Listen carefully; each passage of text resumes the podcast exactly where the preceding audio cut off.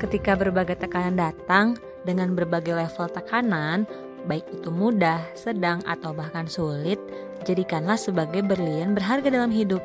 Dengan kata lain, ambil hikmahnya.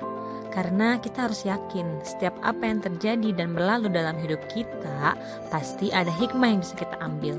Logikanya si pembuat gembok itu nggak akan lupa buat bikin kunci. Jadi kalau dia bikin gembok tanpa kunci ya mau gimana itu dipakai. So preserve great diamond yang pastinya kita belum tahu itu diamond kapan datang. Tapi kita harus yakin bahwa diamond itu pasti datang. Jadi bersabarlah.